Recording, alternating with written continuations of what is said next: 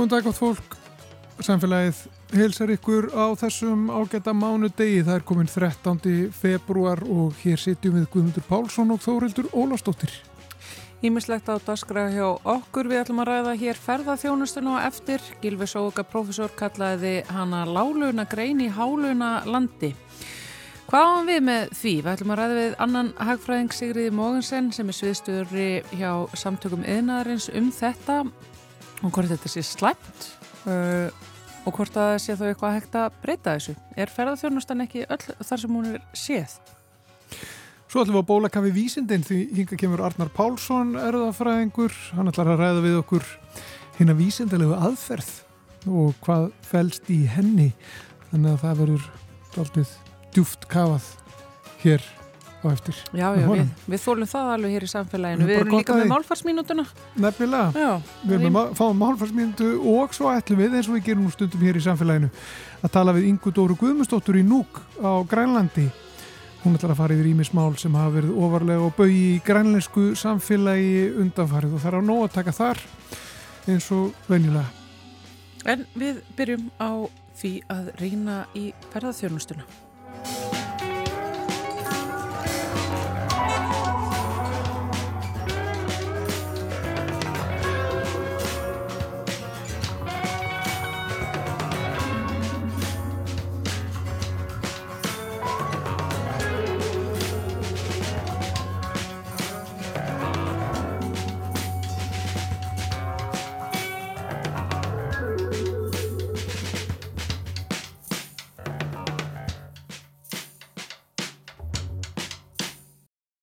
Við ætlum að ræða um ferðarþjónustuna en Gilvi Sóega, professor í Hagfræði byrti nýverið grein í vísbendingu þar sem hann segir ferðarþjónustuna vera lálauna grein í háluna landi. En hvað þýðir það eiginlega? Hvaða aðstæður og áskorunni skapast þegar svo er?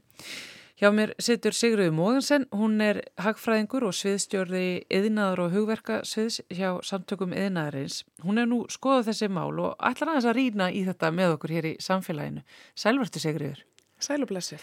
Sko kannski bara til þess að spyrja á þá mögulega kjánulegri spurningu en er ekki svo velmögun sem að ríkir á Íslandi í dag uppgangi í ferðarþjónust að þakka? Um, þetta er stór spurning um, og svarið við henni er ekki, kannski, uh, það er ekkert eitt rétt svar við þessari spurningu. Mm. Uh, vissulega uh, kom ferðarþjónustan, hérna, maður segir eins og rittar á kvítum hesti Já. eftir hérna, bankarhunnið og þess að alþjóðlu fjármálakreppu og, og í rauninni uh, hrun efnarslífsins hér árið 2008-2009 og má segja bjarga okkur á vissuleiti fyrir hodn mm. og það er náttúrulega gríðarlega velta sem fylgir þessari grein. Að segja mikil umsvið um, og auðvitað skipta útflutningstekjur, gælduristekjurna sem við höfum fengið uh, vegna komu erlendra ferðamanna rosalega miklu máli. Já. Hins vegar verður að horfa á uh, þetta í heildarsamhengi hlutana og þá má segja í rauninni að hinnar útflutningsstóðunar sem er þá eðnaður annars vegar og sjávarútufur hins vegar hafa staðið rosalega vel með okkur. Til dæmis í gegnum COVID uh, þegar ferðarþjónustan dróst rækilega rætt saman uh, vegna aðgerra stjórnhalda og lókun landamæra og svo framvegis. Um, en stærri spurningin er kannski, já þannig að svari við þessu er rauninni uh, ferðarþjónustan kom, skipti máli að fá þessar útflutningstekjur í hérna, uppbyggingu efnahagslýsins eftir bankarhunnið en hver, framt, hver eru framtíðar horfurnar í hagkjörun okkar? Um, það er kannski stærri spurning. Hvernig ætlum við að byggja upp til framtíðar til þess að tryggja sjálfbæran hagvöxt og áframhaldandi góð lífskjör á Íslandi til framtíðar? Ég held að það sé kannski mikilvægri spurning. Og er ferðarþjónustan þá ekki sterk þegar kemur að þessu framtíðarmarki aukis hagvastar? Um, ég myndi segja að svarið við því væri nei. Um, og þá er ég ekki að gera lítið úr mikilvægi þess að, að hérna, það mikilvægast er að vera bara með fjölbreyttan útflutning. Já, já. Uh, en það hefur verið settur alveg gríðilega mikil fókus á þessa einu grein það getur auðvitað haft neikvæð rauningsáhrif uh, bæði í ákvarðanatöku en einni bara beinur rauningsáhrif á aðra ratunugreinar og reynsla Erlendis hefur sínt það og, og hérna rannsóknir sí, hafa sínt fram á það. Og eins og Gilvi Sóga sem kendi minn á Hagfræði uh, kom inn á að þá, ég man ekki hvernig hann orðaða nákvæmlega, er afleitt grein til að byggja upp sko framtíðar verðmæti Að þú gleipir eiginlega alltaf í kringu sig eða? Já, þá má ég lega segja sko að við þurfum að, að horfa á þetta sko, eitt er umfang og velta já. og annað er verðmætasköpun. Hversu mikið situr eftir í hagkerfunu. Og ef við horfum til að mynda færðinustuna þá vissulega skilar hann miklum þjónustu útflutningstekjum inn í þjónustujöfniðin okkar. Eh, á móti eru þetta mikill vöru innflutningur, hvort sem það er ólja á flugvilar eða á bílöfubíla eða rútur eða annað. Eh, innflutningur á vörum til þess að sinna í rauninni þessum ferðamönnum. Já. Þannig að þú tekur sko þá netto áhrifin uh, sem er þá í rauninni verðmæta sköpunin að þá er hún ekki jafn mikil og mætti kannski ætla í umræðinni. Uh, það sem ég ávið með því er að maður heyri því fleikt reglulega í fjölmjölum uh, af greinendum og í fjölmjölum að ferðarþjónustan sé stærsta mikilvægasta atvinnugreinu og svo framvegs en gögnin styðja það ekki. Og, og hérna, og ég held að við þurfum bara að fara að horfa á gögnin eins og þau líta út og þau styðja ekki þessar fullirðingar vissulega árið uh, 2018 þegar flest, mestur fjöldi ferðamanna kom hinga til lands, þá var ferðarþjónustan stærst í útrúkningstekjum ja. en sem hlutfalla landsframleyslu og þá í verðmættasköpuninni var hún eitthvað um 9% þegar mest var og stefni líklega í sömu hæðir í ár Uh, en þá er spurningin hvað er að standa undir þessum lífsgæðum og hvað mun standa undir góðum lífskjörum Íslandika til langrar framtíðar og ég held að svari sé ekki að fá stöðugt fleiri ferðamenn til landsins. Já, þetta er náttúrulega kannski eh, einhver nálgun og hugsun sem að náttúrulega þig hagfræðingar getið séð en, en ég held um þetta fyrir allan þóra almennings að þá bara setjum við samasenmerki á milli mörg störf, byggðáþróun og bara æðislegt. En þá er leikil hugtakið, bæði þetta hugtak sko virði og verðmætasköpun og framleg Já. og framleiðni Já. og e, það er svona, e, kannski ég veit ekki hvort þetta er bara úr gamalli pólitík að hugsa um sko því fleiri störf því betra. Já. En það er rauninni þannig að ef við ætlum að tryggja áframhaldandi góð lífskjöru í Íslandi þá þurfum við að hugsa um framleiðni og framlegð. Og hérna forstjóri Össurar uh, sagði þetta mjög, við fannst hann orða þetta mjög vel í hérna blaði sem við gáum út hjá samtökum einarins árið 2020 nýsköpun á Íslandi. Hann sagði ef við ætlum að tryggja áframhaldandi góð lífskjöru á Íslandi þá þurfum við að byggja á atvinnugreinum með háa framlegð. Og það þýðir í rauninni greinar þar sem framleiðni og framlegð er mikil og því miður er framleiðni ekki mikil í ferðarþjónustu fyrir utan það að við náttúrulega getum ekki stöðugt vaksið þarna. Þetta er auðvitað grein sem byggir á auðlindanýtingu og ég held að það sé ekki góð framtíða sín fyrir Ísland að vera stöðugt að sækja fleiri ferðamenn. Já, og líka einmitt af því hún gleipur allt í kringu sig. Það er náttúrulega það sem að enginn ferðarþjónustuna. Hún tekur upp innviði, hún, það er ágangur á náttúru, hún tekur upp vinnuafl og bara býr til dalt þess að sína eigin búblu. Já, ég vil auðvitað ekki gera lítið úr mikilvægi þessara greinar sérstaklega fyrir landsbyðina uh, í því að fjölga ekkjanum í korfinni hjá já, okkur sínum tíma og þá var til svona þriðja stöð og útflutningsstöðun hjá okkur. Uh, þannig að ég vil alls ekki ekki lítið úr því. Ég er meira að hugsa bara til framtíðar. Hvernig tryggjum við að við draugust ekki aftur úr okkar nákvæmna ríkjum sem að öll er að setja fókusin á eitthvað allt annað? Og það er hérna, það er miklu minni fókus settur á að fjölga ferðamönnum í þeim ríkjum sem við viljum helst bera okkur saman við í lífskjörum hjá Svíþjóð, Danmörku og hennu Norðurlöndunum í Evrópuríkjanum sem eru innvætt og eru hérna með góð lífskjör uh, að það er lítið talað um það að þetta sé mikilvægt. Þannig ég held að við séum bara eitthvað svolítið eftir á í þessari þróun og þessu samtali eins og við um erum oft já, eftir á. Við erum alltaf að tala um þessi 10-20 árum eftir á. Já. En hvað getur við þá lært, Sigriður, af þessum nákvæmlandum okkur eins og hinnu Norðurlandunum sem er nú vissulega alveg með ferðarþjónustu Danmark auðvitað, ég, meina, ég held bara mikilvægst landamærin okkar við viljum auðvitað bjóða alla velkomin hérna og, og hérna komum vel fram við þá ferðarmenn sem koma til landsins og, og auðvitað er alveg gríðarlega mikilvægt varandi flugi til dæmis þessi fjölgum ferðarmanna hefur auðvitað haft mjög ákvæð áhrif á Já. okkur Íslendinga hvað var það frambóða flugferðum, sko. það er alls konar lífskeiði sem að að uh, það sem við þurfum að fókusa á ef við ætlum að tryggja áfram góð lífskjör og einhvern sjálfbaran hagvöxt til framtíðar, lengin í framtíðina, þá þurfum við að hugsa um framleiðinni Já. og við þurfum að hugsa um það uh, að fókusa á eða setja kraft í þar atvinnugreinar sem skapa mikil verðmæti. En, en ekki endilega mikla veldu og það er til dæmis hugverkaðinar uh, hugverkaðinar hefur nú fest sér í sassi sem fjörða útflutningsstóðin skapaði um 214 miljardar í útflutningstekjur árið 2021 mm -hmm. uh, það er grein sem byggir á, er, byggir á fjárfestingu í nýsköpun. Og þar eru við að selja í rauninni bara hugverk, hugvit úr landi og hérna þar eru vakstatækjum færi nær ótakmörkuð einni er það mjög fjölbreytt grein innbyrðis þannig að eitthvað eitt högg eða ytri áföll hafa ekki eins mikil áhrif eins og á kannski eins og til dæmis ferðarþjónustuna eins og sannaðist í, í COVID. Þannig að við þurfum að leggja áherslu á greinar uh, þar sem við búum til verðmætt háframleginni störf Já. fyrir reymitt að því við erum mjög mentu þjóð og ferðarþjónustan er ekki að búa til þau störf sem við erum að menta fólkið okkar, fólkið okkar í. En það er náttúrulega, ferðarþjónustan náttúrulega kerir mikið á innflutu vinnuöfli. Já, og raunni lálauna vinnuöfli að vissu leiti í samhengi við sko meðalaun og, og bara heldalaun á Íslandi eða mikildi laun á Íslandi Já. og það er kannski það sem að, að Gilvi er að segja þarna er að uh, þetta er ekki greinin sem við hefum að veðja á til framtíðar til að byggja upp áframhaldandi góð lífskjör og ég tek bara fyllilega undir það uh, og hérna við þurfum að fara að setja fókusin allt annað vegna þess að við viljum auðvitað viðhalda góðum lífskjörum, öflugu, heilbriðs og mentakerfi hérna til langrar framtíðar og þetta er ekki leiðin til þess, því miður. En Sigur, það er eitt vita þegar þið verða að tala um hugverkaðinaðin og nýsköpun fólki finnst þetta oft verið alltaf svona loftkent. Já, veist, þetta, ég skil... Það, það verið að segja sko að þetta sé eitthvað annað meðan við erum bara, Já. við þekkjum þjónustustörfin og við Einnig. þekkjum sjáurútvegin og þetta er einhvern álur störf. er dæmi um grein sem mjög, mjög, er, skapar mjög mikil verðmæti. Framlegin í sjáurútvegi er mjög há.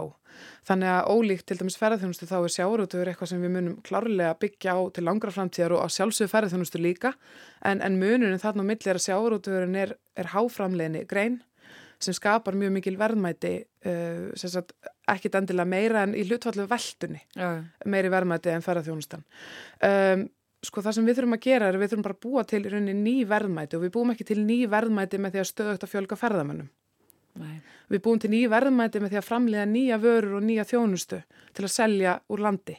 Að því að lífskjör okkar lítillar, lítis eiríkis uh, út í hérna Norður Allandshafi munu byggja bara á því hversu mikið að verðmætum getum við flutt út í skiptum fyrir gældri. Mm. Það er raunni hvernig útflutningurinn okkar getur vaksið og dapna til framtíðar og þá skiptir ekki bara mála að horfa á velduna, heldur verðmæti sem eru verið að búa til og framleiða hér á landi hvort sem það er í formið þjónustu eða framleiðslu á vörum og hugverkaðinarinn er svo sannlega ekki loftkendur eða einhver, einhver draumsýn til framtíðar, hann er komin uh, í hugverkaðina eru gríðarlega mörg stór fyrirtæki sem við þekkjum.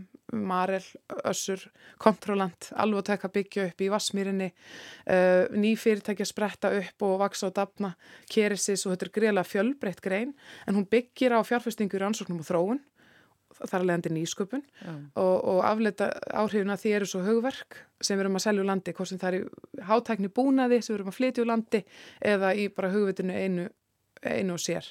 Þannig að þetta er klárlega framtíðin ásamt því að hugað að uh, bara upplöfum yðnaði heilt yfir sem er þá framleiðsla sem byggir ofta á grætni orku Uh, og við þurfum að hérna, uh, fara að setja meiri fókus á þetta. Við höfum talað lengi fyrir því hjá samtökum minnaðarins, en mm -hmm. þetta okkar greinar sem við höfum að geta hagsmunna fyrir. Uh, og, en maður sér þetta líka bara ef maður skoður þetta út frá með hagfræði gleru að þá er hérna, ég held að sé engin hagfræðingu sem getur mótmilt þeirri fulleringu að til að byggja upp áframhaldandi góð lífskjör þá þurfum við að horfa á greinar sem eru með háa framleginni og búa til skapa háframleginni störf. Þannig það eru reyninni sem fæst störf fyrir hverja veist, einingu af útrúningstekjum. Það er mikilværa, en ekki sem flestörf. En aftur bara, veist, maður tekir kannski ekki við þetta þegar maður er í fermingaveislunni og er að spyrja lilla frænda sinna eða frængu hvað þau gera, sko. Veist, þetta komið einhvern veginn út í þennan hugverkaðin að þá bara, Já. þetta er eitthvað svo nýtt. Já, en þetta er samt bara fyrirtæki sem við þekkjum. Þetta er upplýsingatekni, innaður, uh, eh, heilbreyðstekni, líftekni og þarna eru stóru tækifærin okkar á samt því að halda fram að byggja upp fjölbreytan orkusækin innað sem byggir á nýtingu og grætni orku Já. og gott dæmum það er að fyrirtæki í líftækni á hérna, eh, hérna á Suðunisum sem er alvotek, ekki alvotek, algalíf segi ég, þeir eru að verða stórnótendur á raforku, þeir eru að framlega fæðubótarefni og eru með gríðarlega vakstatæki fyrir allþjóðamörku, mm. þannig þetta er hugverkafyrirtæki sem líka er að nýta græna orku og uh, þarna þurfum við að setja fókusin okkar og þarna eru ríkinni kringum okkur að setja fókusin. Það er á svona yðnaða stefnu eða atvinnu stefnu mm. sem að er hugar að því að ekki að velja sigurvera. Það er alltaf svolítið feimni umræðinni eiga stjórn og pólitíkina fara að velja hvað greinar eiga að vaksa. Nei, en pólitíkina á að segja við viljum að það er greinar sem skapa mest verðmæti til framtíðar vaksi. Já, En við erum líka náttúrulega alltaf að reyna að færa til sko greinatan okkar og það er, veist, það er náttúrulega það, stóra atriði í ferðarþjónustunni er líka náttúrulega byggðarþróunin sem er svo mikilvæg hérna. Enda skiptir, enda er hún eina uh, hérna því frábæra sem ferðarþjónustan hefur fært okkur. Og það, var, það er það sem að landsbyðarnar okkar kalla eftir og við getum ekki alltaf sagt við bara eitthvað, eitthvað annað, eitthvað Alls annað. Alls ekki. En það sem við erum kannski að segja er bara hvernig tryggjum við áframhaldandi velferð og góð, lífs, lífskjöru í Íslandi og það er ekki með því að stögt að fjölga ferðamenn. Nei, nei. Sko, eh, núna skulum við hins vegar alveg horfast auðvitað það að það stefnir í mikla fjölgun ferðamanna. Mm -hmm. Það er framtíðarsýnin og það er búið að teikna það upp og þannig að við erum þá, sko, veist eins og þú sem hagfræðingur og það sem þú ert að útskjara fyrir okkur hér, við erum bara, erum við bara eins og dátir í ljósunum, erum við að horfa Erum við að ganga séum, inn í eitthvað sem við eigum ekki að vera að ganga inn í? Uh, ég held við séum aðeins að ofmeta mikilvægi þess að vera stöðugt að marka setja Ísland sem áfangastað fyrir ferðamann. Uh. Uh, við erum miklu frekar ef við erum að horfa á sko hvaða lönd viljum við bera okkur saman við. Að þú skoða bara hlutfall ferðarþjónustu í útflutningi á milli ríkja hérna, að þá er engin ríki sem við viljum bera okkur saman við í góðum lífskjörum uh, á þessum stað. Já. Að vera með svona hátt og vera að treysta svona gríðilega á þessa grein. Uh, þannig ef ég orðaði bara þannig að, að þá er sér maður bara ríki sem er rauninni lífskjör eru bara miklu verri. Þannig ég held að við þurfum að fara að setja fókusin í alltaf átt að því sögðu að sjálfsögða að taka á móti öllum ferðamennum hérna já, með hérna sóma og við held að því sem við höfum byggt upp og við held að því sem við höfum byggt upp reyna að fá meiri verðmætt út úr hverjum ferðamanni og svo framvegis uh, og byggja upp svona þá hágeða ferðarþjónustu eða og hérna við þurfum að huga líka sjálfbærninu og umhverfissjónum og allir því samhengi en, en hvað var það framtíðina og þau tækifærið sem eru til framtíðar að þá er þetta ekki leiðin til þess að, að við halda góðum lífskjörum á Íslandi. En eru það þá hvað stjórnvöld sem að Grípa í bremsuna sko, eða breyta fókus? Ég vil reyndar meina og ég ætla að lega mig bara að segja það hér að, að, hérna, að því ég var mjög mikið af þessu fólki í, í námi í hagfræði sem er núna kannski í greiningadeildum og annað og eru svona, hvað maður að segja, þeir sem eru tjási mest, hvað mest um efnahagsmál, að þá hefur ferðunastan verið svolítið ofmetinn og ég var nú að lesa nýjustu þjóðhagsbá Íslandsbanka og eiginlega eina atvinnugreinin sem við talaðum þar er ferðarþjónustan yeah. þegar að staðin er svo að sjáurútvöru eðnar eru gríðarlega mikilvæg og þú tekur eðnað í heilsinni þá er hann að skapa um 43% af útflutningstekjum okkar í dag.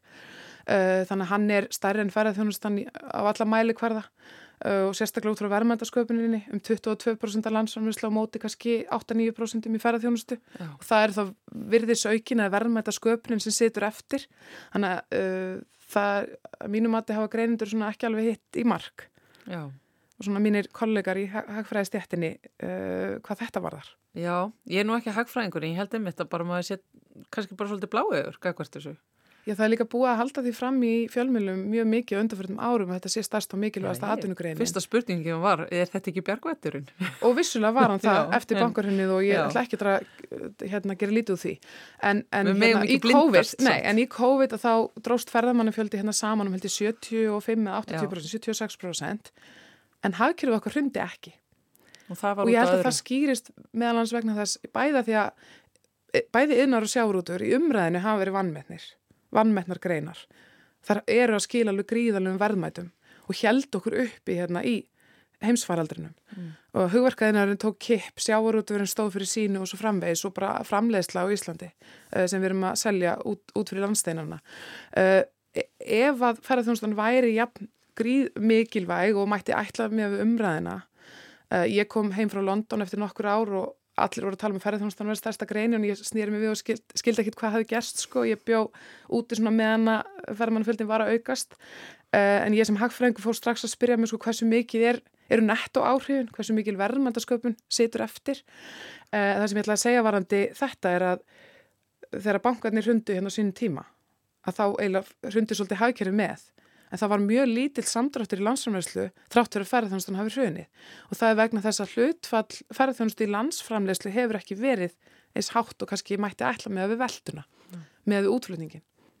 Já, þannig að, já, ummitt. En hún var kannski ekki jafn stór og maður hefði haldið, eða sérst, og maður hefði haldið með að við umræðan. Hún er bara svo fyrirferðað mikil. Hún er svo fyrirferðað mikil, hún er ábyrjandi auðvitað, maður sér ferðamenn út um allt, þeir auðvitað auðga líka mannlífið og allt slíkt og, og hérna en hún er ekki jafn mikilvæg í verðmætasköpun og, og greinendur og aðrir vilja meina, Já. að mínu mati. Þá þarf maður einmitt kannski bara að fara að horfa í kringu sig næsta ef maður fyrir landið og sjá og skilja betur einaðin og hugverkaðinaðin og nýsköpun og þau tækifæri. Þetta er það sem ríkin, ef við horfum bara Norðurlandi, við viljum gætna byrja okkur saman með þau, hvort það er Nóriður, Svíþjóð, Finnland, Danmörk, að þá er allstar verið að fókusa á svo kallar bara industrial strategíu bara kalla aðtunustefnu, yðnaðastefnu sem snýst ekki um að velja einhverja eina grein en er yðnaðar alveg gríðilega fjölbreyttur og það er bara að vera að fókusa á að byggja upp greinar sem skapa háframleðni störf fyrir svona mentaða þjóður eins, og við erum og, og Norrlanda þjóðunar.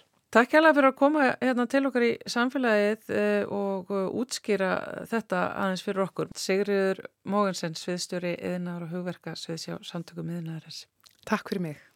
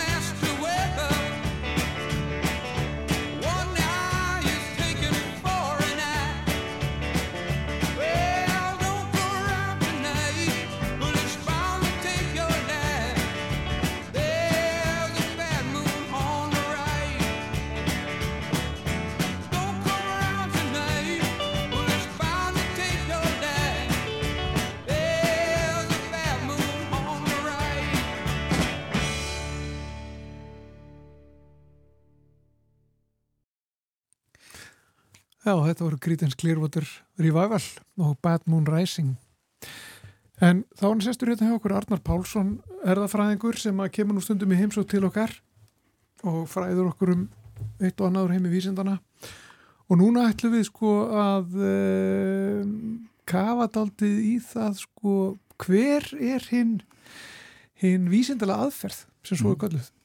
Og þú er tilkallaður mm -hmm. kallaði til og svara kallinu, hlýður kallinu og er sestur hér og ætlar að svara spurningunni hvað fælst í henni vísendalegu aðferð er hægt að spurja, fyrir það fyrsta, er hægt að spurja svona? Það er hægt að spurja svona en ég geti lofaðir að þú fengir annan sérfræðing, þá fengir þú kannski ekki alveg sama svar, þannig að ég byrð hérna, ykkur og, og hlustendur að taka tillit til þess að það hérna, ja, þetta er, það er reynst mjög erfitt að skilgreina henni vísendalegu aðferð en við getum svona að skoða hvað hvernig hún hefur þróast í gegnum tíðina, hvernig hérna, fólk með áhuga á veröldinni hefur reyndað að beita einhverju aðferð, einhverju skipulegra aðferð til að skilja hvað er að gerast þegar það koma læðir yfir landið eða þegar mhm. faraldur breyðist um heiminn eða eitthvað svona og hérna og það er það að fara bara aftur til gríkjana þeir náttúrulega voru að eiga við heimsbyggi og raukfræði og reyna að skilja bara hvernig er heimurinn og, og Aristoteles er talin eiginlega að vera svona fyrsti náttúrufræðingurinn sem fór að tala og skrifa eins og vísindamadur og þá er hann hérna bara að, horfa á hlutina og reyna að vera hlut hérna, laus í því hvernig hann lýsir þeim og reyna að skilja innra eðli og, og kraftar sem hafa áhrif á í því oftast lífurur en einnig hérna döða hluti. Og þannig byrjar það? Já, þannig að uh, í þessu tilvilli er bara að tala alltaf að rækja aftur til gríkjana en mm -hmm. það er raunverulega hérna, í þessu dæmi þá það var bara mjög margt sem hann lagði niður og svona insýn hans í það hvernig við höfum að horfa á lífurur eða reyna nálgast þær bara var eiginlega mjög mikilvæg grunnur hérna. Þetta var þá innfaldar fyrir Gríkina heldur en þetta er fyrir okkur núna? Já, eða svona, þeir höfðu, já, þeir höfðu orð og þeir höfðu hérna, raukfræðina sína og síðan voru náttúrulega aðferðir gríkjana voru svona frekar einfaldar en þeir voru alveg tilbúin til að taka sundur fræ eða hérna, opna húð á dýrum og kíkja inn í þau og hérna kanna svona hvernig lífurur virkuði eða hvernig steinar hegðuði sér þegar barðið þeim saman og alls konar svona. Náttúrulega fólk kunni að vinna málma og hérna og eiga við dauðaheimin en voru líka, líka rækta plöndur og, og, og ala dýr og ímislegt sem að hérna, það náttúrulega byggðist upp svona einhver þekking í samfélagunum en síðan fór hann að reyna að hugsa skipulega um þetta og reyna hvernig getur við notað eitthvað að nálgun til þess að skilja veröldina. Já, og svo fórum fórum henni að leggja fram tilgátur og þess að þar og, og alls konar hugmyndi kvikna. Já, það er svona náttúrulega í mjög stuttumáli gerðist alveg slatti af litlum aðbörðum í, í vísindarsögunni eða sögu vísindarleira aðferða en það er svona með upplýsingunni þá fór að koma svona ólíkir hugsuðir, þetta að taka bacon fyrir að hann fór að svona byggði okkur um að vera skipulagðari, vera sérstaklega ekki hlutlægur í, í nálgun á veröldina. Mjög mikil áherslu að finna þannig að að vísindin er eitthvað skonar sko kokkabók þannig að allir fengi sem uppskrift og getur rannsaka sami fyrirbæri og fengi sannleikan út. Mm -hmm. er ekki þannig að sannleikurinn velti á því sko hvaða skóla þú komst í eða hvaða hérna tiltegnu skoðan þú hefur. Þannig að hérna svona, vísindu voru að færast í það að vera svona hlutlegari og endurtakanleg þannig að allir gáttu raun og veru gert það sama og hérna og fengi sömu niðurstöð út. En náttúrulega á þessum tíma var fólk líka reyna að búið til gull sko. Já, já, já. þannig að mörg þess sem var mögulegt og ómögulegt hafa alltaf verið svona daldið hérna, á reiki sko. En hérna, en síðan kannski helsta byltingin svona næst okkur í tíma er þá hérna það að fara út í tilgátturnar, þú myndist á það áðan þannig að mm. Karl Popper, heimsbyggingur á síðustu öll, hann, hann fór að átta sig á sko eðli eða svona raukfræðilegu eðli vísindarlegar aðferðar mm. og hann eiginlega sagði við getum aldrei sanna neitt, svona formlega, en við getum afsannað hluti og, og, og það, það var eiginlega svona kannski stó, stóra byltingin í þessu hérna, þetta er mjög erfið hugsun fyrir okkur og, og vísindamenn þurfum alveg sko að gera þessi í bróku og einbeta sér til að geta nota þetta almenlega en, en, en þetta er eiginlega tólið sem er svona eiginlega hefur verið öflugast í, í vísindum síðustu já, 50, 60, 70 ára. En hver er þá staðin í dag fyrir þetta verkvari? Já, hún, það, það, þetta er sko, hérna, þetta heldur nokkuð vel, þannig að þetta verkvari heldur nokkuð vel. Jafnvel í dag? Jafnvel í dag, sko, já, já þannig að þetta er, þetta er svona... Um, Þetta er svona, þetta er mótsagnakent að þegar við, við höldum að eitthvað sé á eitthvað hátt og þá viljum við kannski reyna að sanna það. Við, við höfum tilgátt um að hérna, reykingar valdi krabbameinum. Hérna. Það, það er svona, við spólum 70 ára áttur tíman eða 50 ára áttur tíman, þá er eitthvað svona, já það er mjög mikið að krabbameinum að aukast og mjög mikið fólki að reykja, kannski er það orsakasamingi. Hérna, og þá, sko, leiðin til þess að nálgast þá spurningu er að spyrja... Uh, um, veldur hérna, valda reykingar krabba minni eða hefur, hafa reykingar engin áhrif á krabba minn við getum afsana þessara setnisetningu þannig að við getum afsana þá staðhafingu að reykingar hafa engin áhrif á krabba minn mm -hmm. það, það er og það er búið að afsana það ítrekkað mm -hmm. og síðan ef við skoðum hérna niðurstöðunar þá í öllum stúdíum þá var það þannig að ef það er reykingar þá er sá hópur með herri tíðni krabba minna og þá minn höfum afsanaði öndverða mm. og þá lifum við með hérna niðurstöðinni sem er þá svo hérna reykingar valda krabba minnum og, og hérna þannig að vísindamenn segja ofta eitthvað sér vísindalega sannað innan gæsa lappa mm -hmm. þá þýðir það bara viðkomandi tilgáta hérna hefur aldrei verið hrakin og það er búin að hrekja hefur öndverða ítrekkað og þá vitum við, já, hérna, síkaretur valda krabba minnum og þá er það sama, eh, sama sem við eigum við eins og you know, lífið hefur þróast vegna náttúrulega svals við erum búin að afgreða það, það er staðrind eða svona vísindalið staðrind, aftur gesalappir en að maðurinn veldur losun á, á koldvíildi sem að ítur undir loslasbreytingar, það er staðrind en að þeir eru búin að sanna þeir gagstaða, afsanna þeir gagstaða sem sagt.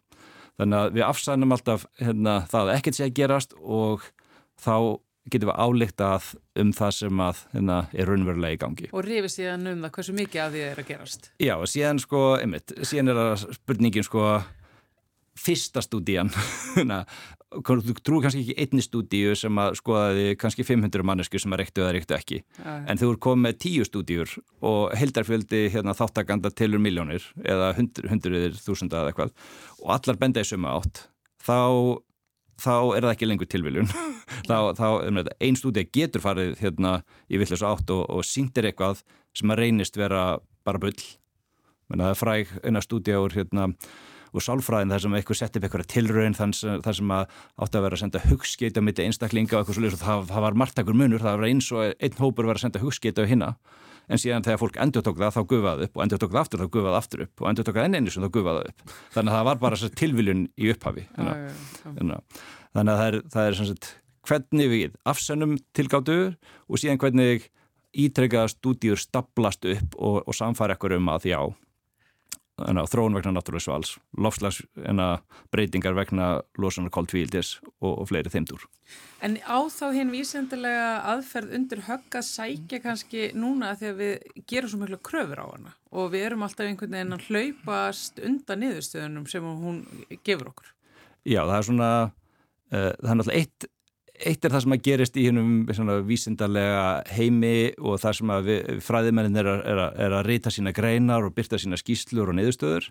Og síðan náttúrulega það sem að þú er kannski að vísa í hvernig er nota samfélagið, pólitíkusar, aðra aðilar, vísindarlega niðurstöður eða kjósa að grafa undan þeim eða afneita þeim eða einhvern veginn hérna vinna gegn þeim af því að það er hagsmunum þeirra ekki hag you know.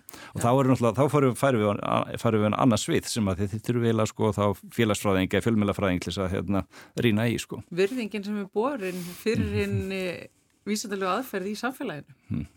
Mjög mikil í þessum þætti Já, í þessu samfélagi Þessu svona almennt já, já, já, En það er, það er ákveðið samkúmulag um hvernig uh, þetta virkar allt saman og svo sko er þátt sko ákveð þáttur sem er einmitt um, greinaskrif, byrtingar uh, ríni já, já. sem að þarf að fara fram á ákveðnum ákveðin hátt og, og, og er sér stað á ákveðnum gröðulega eitthvað. Já, já, þannig að sagt, segjum hérna að Lalli Jóns fer og gerir eitthvað stúdíu hérna, og hann finnur hérna uh, eitthvað tilneyingu í hérna kríum á hálendinu, eða lálendinu það var ekki kríur á hálendinu. Það væri tíðindi það væri tíðindi, já það væri bilding en, en þá, þá skrifar hann eina stíl um þetta og sendir í náttúrufæðingin eða eitthvað tímarætt út í heimi og þá kom einhverju yfirlesarar og, og, og aðtúa hérna, heldur þetta vatni. En þessi yfirlesarar eru aldrei sko stóri dómur af því að yfirlesararnir verður bara treysta því að hérna, þessi viðkomandi vísindamæður hafi gert allt heiðarlega og skrifa allt heiðarlega og allt svo leiðis og segja, þetta lítur bara vel út eða kannski mættur nota þessa tölfræða aðferð og, og laga þetta hérna eða þú oftúlkaði niðurstöðuna eina þetta, það sem ávið um kríur á vestfjörðum á kannski ekki við um eistfjörði og eitthvað svona. Mm. svona kannski aðeins að reyna hemmja tólkanir viðkomandi. Og, en síðan bara fer þá þessi grein út í hérna litteratúrin og ef að þetta hefur eitthvað vægi fyrir fræðasvið þá er það tekið og meldt og, og aðri stútir að þetta sama um lífræði kríunar kannski er það tilgátt um sandsíli eða hverju veit sko. Og, og en það er sko vísindalegu litteratúri fullur af, tím, af greinum sem að reyndust bara rángar eða álíktanum voru rángar eða voru einhverju gallar í, í stúdíónum. Menna uh, 1953 þá kom út bygginga á hérna, líkan fyrir bygginga á DNA í apríl. Hérna, snemma sama ár kom önnur grein út frá hérna, Nobelsvölduna hafa sem var með annar líkan en það var algjörlega rámt líkan en það fór samt í literatúrin já, já, já. en síðan bara áttuðu allir sig á því að líkanir sem að hérna, Watson og Crick og hérna, Wilkins og hérna, Franklin höfðu hérna, byggt saman og beint var það rétta. Og þá bara þá, þá er hitt bara glemt, þá ertu bara komin með svarið við spurningunni og þá er það bara henn nýji standard og síðan bara byggjum við ofan á það mm -hmm.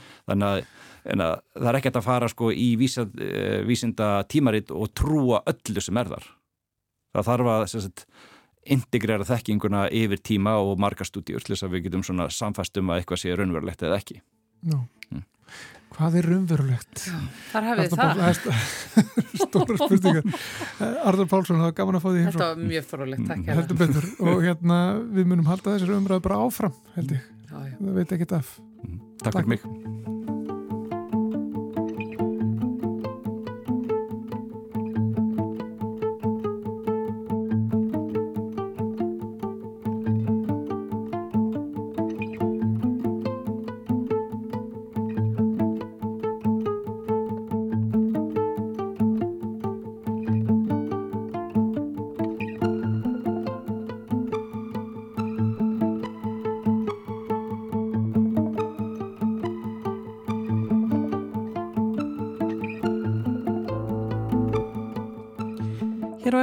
Ætlum við að heyra nýjastu fréttir frá Grænlandi en áðurina að því kemur skulum við fá eina málfarsminútu.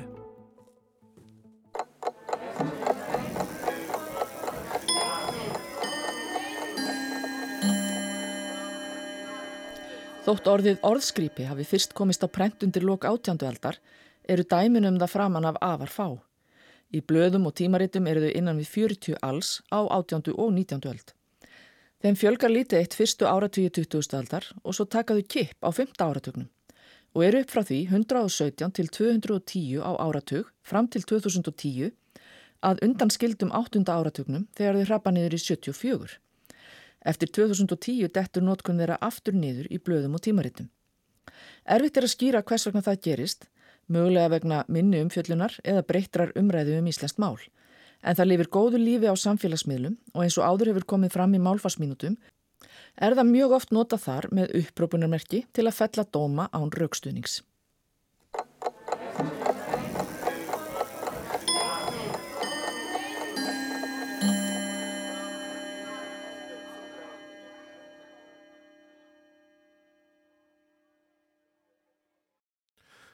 Og þá erum við komin í samband við Grænland, við Núk uh, þar í landi.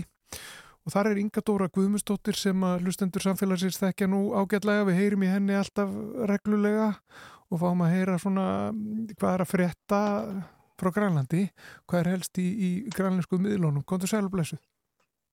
Kom til sæl og blessaður. Það eru heldur sorglegar fréttir sem við sáum frá Grænlandi núnum helgina Já, þetta er, uh, það er mjög leðileg mál í gangi í ögnablikinu. Uh, því miður eru framinn, hafa verið framinn þrjú morð bara upp á síð, síðisleinu innan við þrjár vikur og, og það er mjög gilt uppnámi í, í þjóflæðinu út af þessum þremmu málum. Sérstaklega eitt mál í núk sem að, sem að veldur mikinn óhug og og þjófélagi er eiginlega bara í svolítið uppnámi sko Já. réttilega Já. Getur þú sagt okkur eitthvað meira hvað hva gerðist?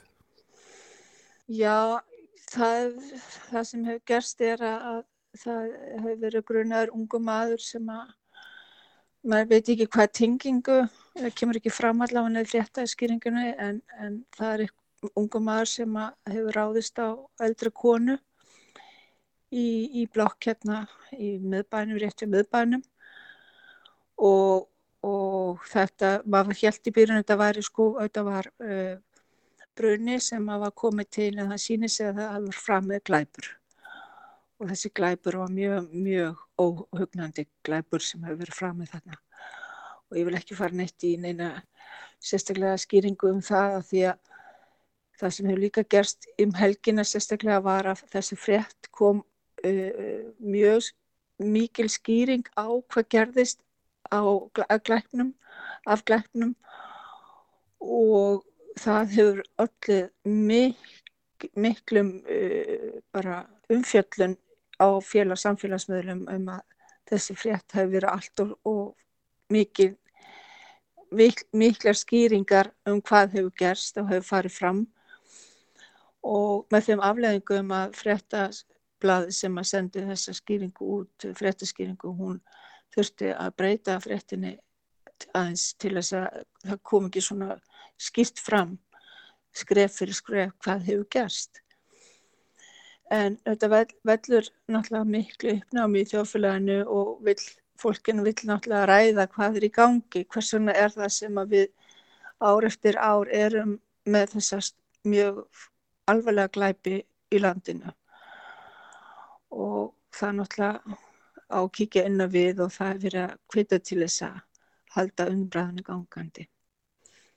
Svo er það er annað morð í Sissimjút uh, bæ þar sem að ung uh, 25 ára kona hefur stungið um 50 konu uh, niður og svo er eitt í Suðugrænlandi líka það sem er í Gagotto.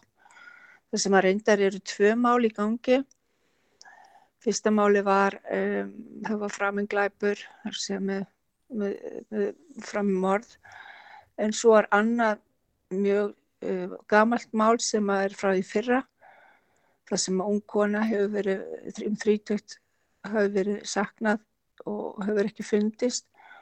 Og bara um helgin eða frétt fyrir í síðustu viku var maður komin inn á lörglustu og tilkynnta hann að framenglæp við þessa konu og þar sé það eru tvö mál í Suðugrænandi í Gagotto sem erum að rannsaka núna.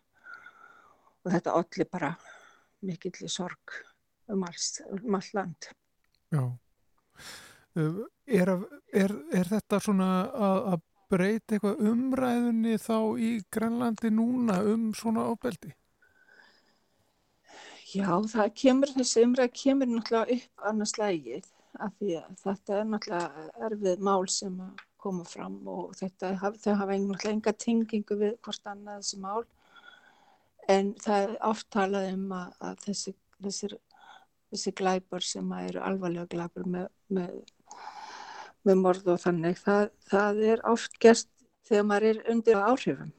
Og það allir líka þeirri umræðu að fólk vil líka tala um áfengisvandamálinn og hvað er það sem er að gerast í samfélagum, hvers vegna er svona marg, margir glæpir, glæpir framnir sem að getur náttúrulega haft sína skýringu um nýlandu tímabil og þannig að það er marg, margar ástæðu til þess að þetta er, er verið fram með en svo líka hjálp fyrir geðveika eða geð, geðsjúklinga sem að fá ekki réttu aðstóð er líka mikið að, eða svona er byrjað að koma upp og það er svona nýr, ný í staða í umræðinu þar sem að fólki líka byrja að tala um að það er ekki neða gert nóg fyrir þá sem að þurfa á því að halda þessari hjálp, geða hjálp. Þannig að já, þetta er bara óhugnandi og fólk vil e, ræða þetta og sem er líka farin að tala um að, að refsingin er ekki nóg stór uh, og það veldur líka því að þá fer maður að tala um réttarkerfið og rétta lögin og svo framvegist. Þannig að þetta er eitt stór, mjög stór pakki sem er verið að tala um núna. Já. Sem, já. Og umræðan er orðin greinilega svona, hún, hún er svolítið verið að vika út. Já, hún er erfið. Hún er mjög erfið eh, á samfélagsmiðlum. Það er virkilega, veist, eh, og fólk er bara mjög uppgefandi einhvern veginn og manni finnst einhvern veginn líka að frétta meðlarnir hér er ekki nóg góðir að taka þessa umröðu upp eða krefjast svara hjá til dæmis hjá stjórnmála flokkum og, svo framveist. Þannig að umræðin er eiginlega bara á samfélagsmiðlunum og það vantar einhvern veginn líka svona tengingu við það að fá að komast í boss í, í málunum og hvað er hægt að gera við þessi mál svona fram á við og það er eins og það vanti líka og það kemur svona meira og meira upp að maður vill að frétta hérna, já, fréttinnar og aðrir um, eins og Rúf á Íslandi og Káin er að taka sér meira þetta hlutverk að vera með þennan hérna, þessa umræðu mm. taka hennar fram mm -hmm.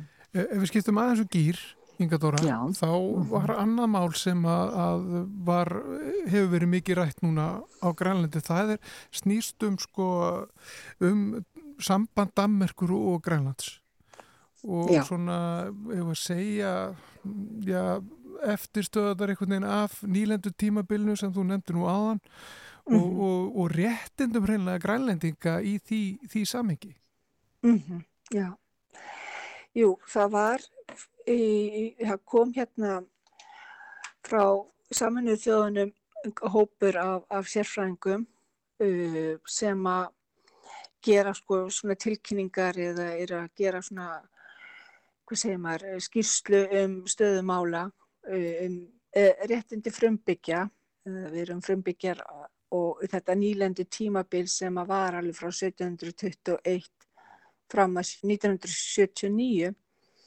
eru náttúrulega formlegt nýlendu tímabil.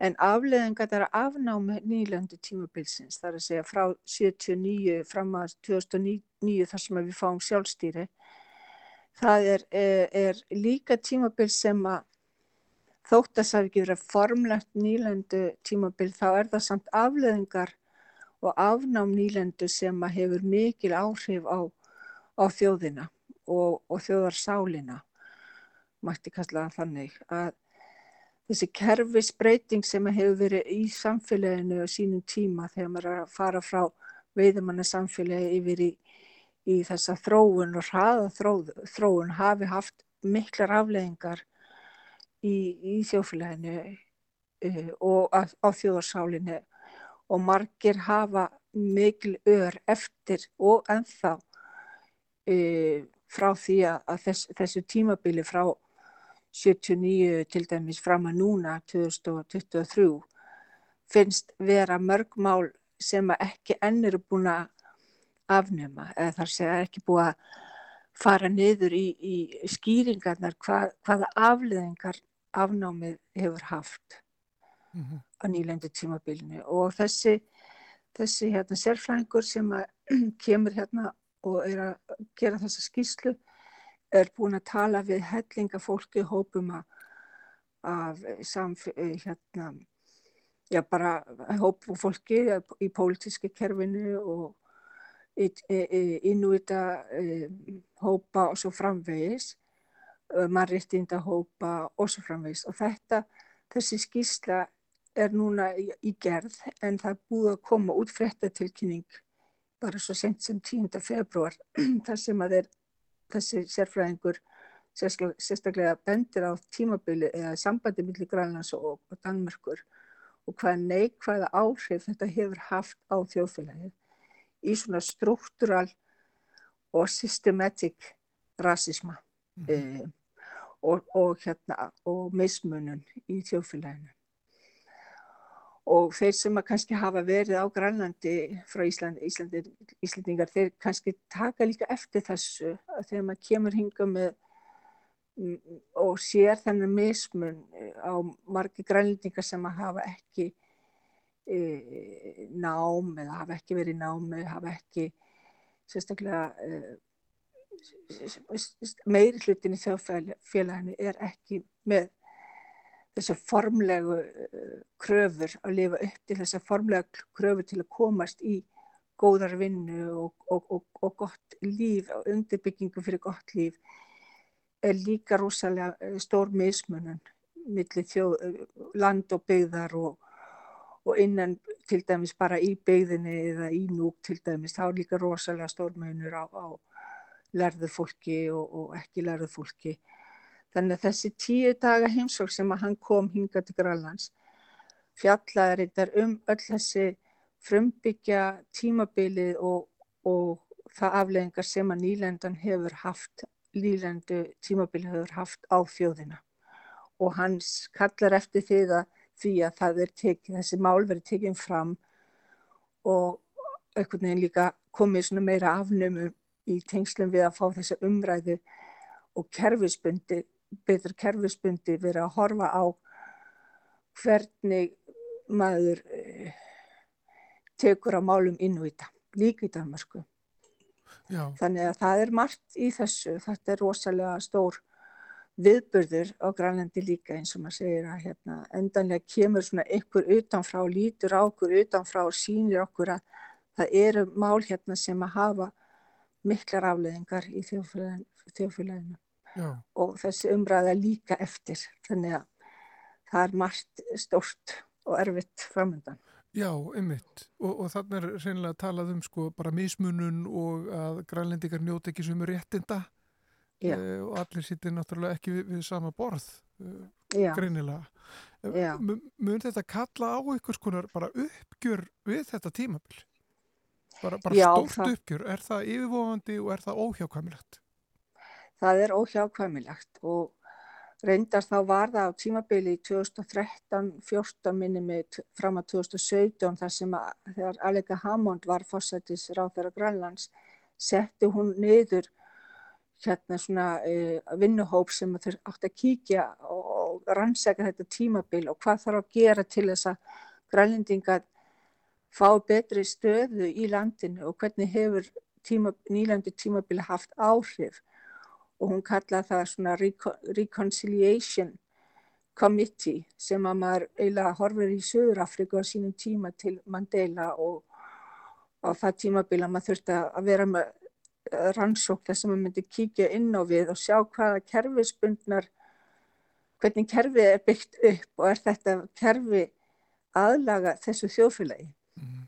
Og það, það myndi þá, ef maður fær þessa umræðu, getur kíkt hort tilbaka á fortíðina og talað um hana og, og allir þessi, þessi ör og sár og erfiði þurfu líka að koma upp að auðborða eins og til dæmis ef að þú hefur verið undir einhverju losti og, og, og hérna, þarf líka að hjálpa, áfalla hjálpa að halda.